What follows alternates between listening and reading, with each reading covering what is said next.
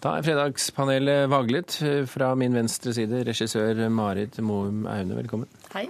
Så har vi kulturredaktør i tidsskriftet Minerva, Anna Katrina von Matre. Velkommen. Takk skal du ha. Og ikke minst eh, forfatter, musiker og TV-såpegeneral Arne Berggren. Mange takk. Velkommen. Eh, Omvendt rekkefølge var litt morsomt. Gøy. Mm. Skal vi gyve løs?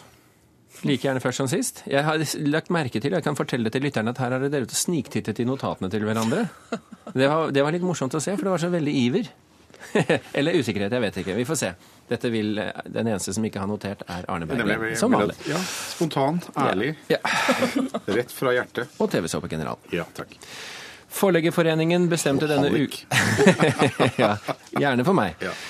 Forleggerforeningen bestemte denne uken etter langvarig press at de skal utrede om de trenger etiske retningslinjer à la pressens faglige utvalg. Marit Christensens bok 'Moren' om Wenche Behring Breivik var den siste i en rekke av bøker som har skapt debatt om ikke bare pressen, men også forlagene trenger en Vær varsom-plakat. Spørsmålet er enkelt. Bør også sakprosaforfattere holde seg innenfor et bestemt etisk regelverk? Nei. Nei. Ja. Du skal få lov til å, å svare hvorfor du mener nei. Og mamma mia Jeg er på den tynneste isen i verdenshistorien. Eh, nei, vet du, jeg mener at eh, eh, vi har jo en del eh, lovverk da, som beskytter oss eh, mot eh, æresrelaterte angrep og rasisme og blasfemi. Og. Så jeg mener at eh, vi skal være veldig veldig forsiktige med Men det er klart, hvis de finner ut at de vil ha et frivillig etisk regelverk, så jeg selvfølgelig, heier jeg selvfølgelig på det.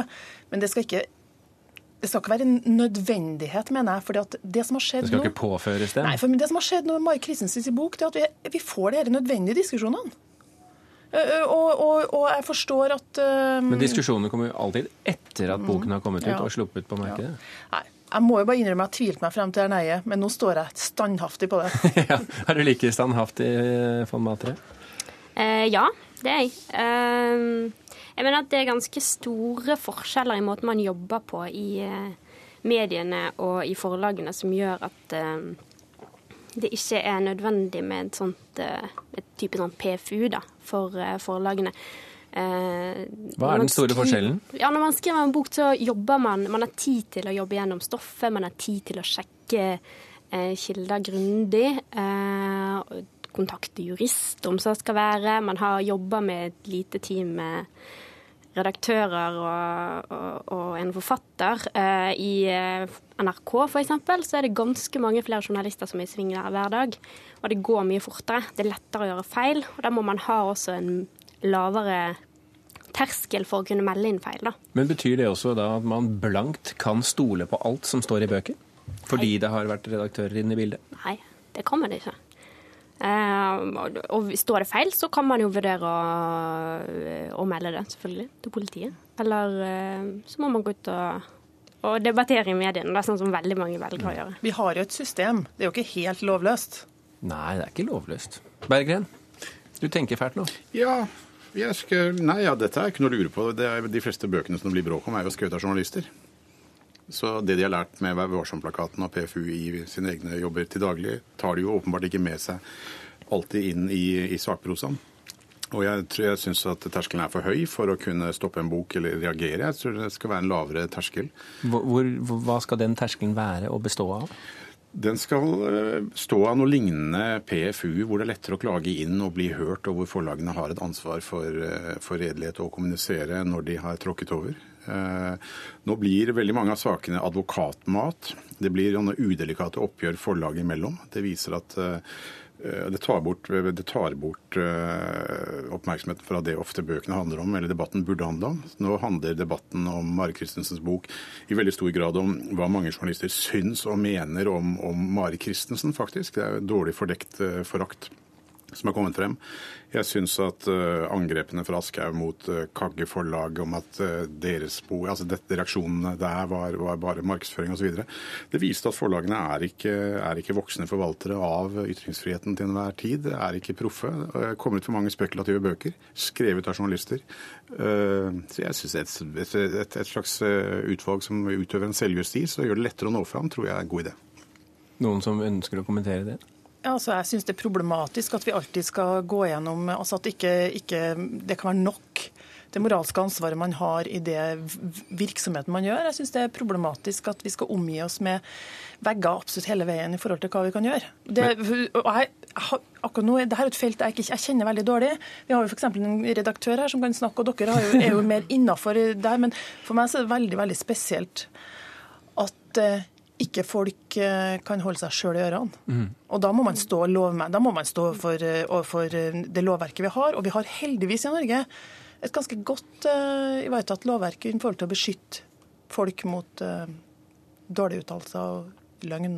Matere, her nevnes det jo en rekke negative konsekvenser av å ikke ha et sånn type utvalg, hvor, som kunne vært en kanal. Ser du det poenget til Bergen?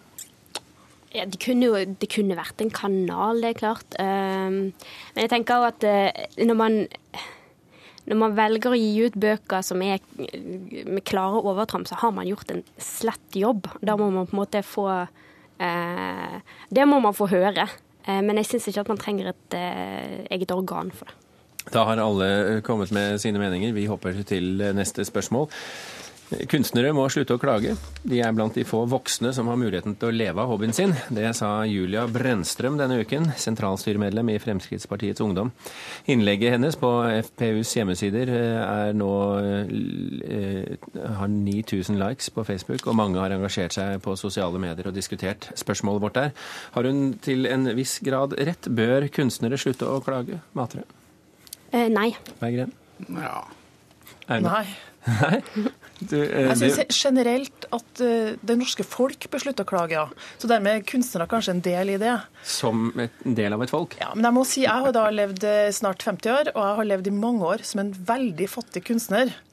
Og nå tjener jeg veldig godt. Og jeg klager ikke noe mer da enn jeg gjør nå. nå du, kan si, du, kan si, det sånn at det er eh, Hele det utspillet hennes hadde en klar politisk agenda hun da, og hvor hun da prøver å sette i gang noen emosjoner i forhold til at noen er mye heldigere enn oss, og hun spiller på misunnelsen over at noen har det mye artigere enn andre. Det er, sånn, det er, sånn, du tolker det? Ja, det er sånn jeg tolker det. Og det er klart at hvis folk driver med en hobby og tenker at noen får lov å holde med det på fritida på heltid og tjene penger og i tillegg er sur, så hadde jeg jo skrevet under på den Facebook-meldinga der. Mm. Matre? Altså, det er, det er så klønete. Det er så irriterende. Eh, det er en sånn klassisk FPU-er som har forlest seg på liberalistisk ideologi, og så trekker det for langt. Um, men, men du, ser du bort fra at kunstnere jo, til tross for at de ikke har så mye penger, lever et privilegert liv? De lever eh, kanskje et like privilegert liv som andre som får lov til å jobbe med det de liker, da politikere f.eks. Um, men eh, de tjener, de tjener, dårlig. Det er jo ikke noe tvil om det. Uh, og uh, det finnes mange andre måter å tilnærme seg akkurat den debatten på. Man trenger jo ikke å når man kaller det for hobby, så er det så billig. Det er liksom, det er litt for å få likes på Facebook. Mm. Um, mye bedre har det jo vært å spørre om vi betaler kunstnere godt nok når de f.eks. først stiller ut. da. Når de stiller ut på øh, altså visningsrom, så, så, bør de få godt betalt. I dag får de nesten ingenting. Mm. Uh, men det er liksom Det er ikke like sexy, da. Det er ikke det. Berggren? Nei, på den ene siden så kaller jeg meg vel ikke kunstner.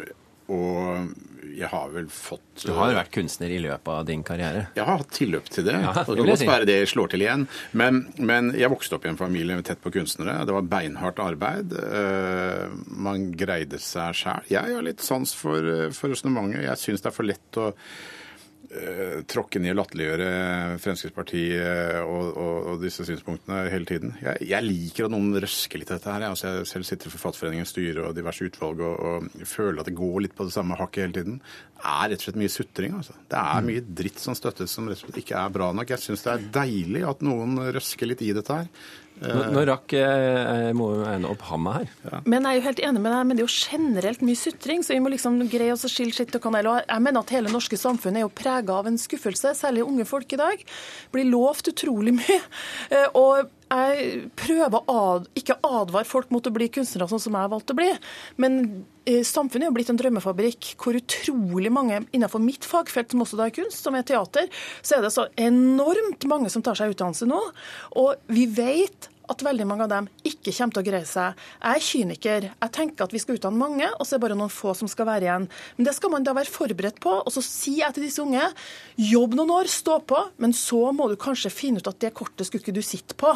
Du skal, du skal kanskje gjøre noe annet. Og det tror jeg kanskje er noe vi er nødt til å, vi er nødt til å helle litt kaldt blod i årene på folk og si eh, vi kan ikke være et samfunn med så mange kunstnere at de nesten ingen greier seg. Det er så deilig, for dette er jo det Frp sier, akkurat nøyaktig det du sier. Hold, hold kjeft med sutringen. Nei, du må greie nei men du greie sutringa, gjelder hele samfunnet. Men det de sier, er at det skal jo ikke støttes i det hele tatt. Og der er jeg helt uenig. Vi skal støtte eh, kunsten, men vi skal også vite at den skal være noe å leve av. Jeg, eh, jeg hadde lyst til å gi uh, Matre et poeng til slutt, men hun får det ikke, dessverre. Eh, Vi må hoppe på neste, og du må ikke se på meg med de hundeøynene, for det blir ikke noe mer nå. Jeg kommer nå med siste spørsmål. Morrissey er en løs kanon på dekk og bør ikke opptre under nobelpriskonserten, mente Aftenpostens kommentator denne uken. Han siktet bl.a. til Morrisseys uttalelse om at 22. juli var ingenting sammenlignet med hurtigmatkjedenes behandling av dyr.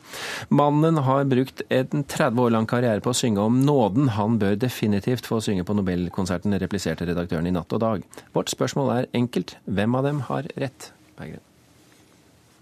Morrissey eller eller natt og dag? Natt og dag, ja, jeg vil, si, jeg, vil si, jeg, vil si, jeg vil si natt og dag her. Aune? Enn meg, snakket med. Ja, det er du som heter Aune. Nei, Spørsmålet her er så håpløst. Ingen. Ingen. Defensivt nok. Matre. Tore, Natt og dag. Natt og dag. Hvor, hvordan belegger du det? Uh, altså, jeg tenker Morris altså, Han fremstår jo som en ganske sånn usympatisk kødd.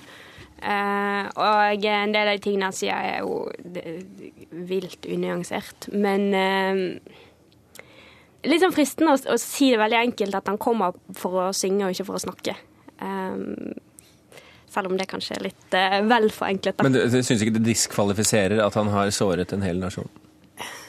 Jeg syns, det er helt unødvendig, uh, men det er på en måte ikke det han uh,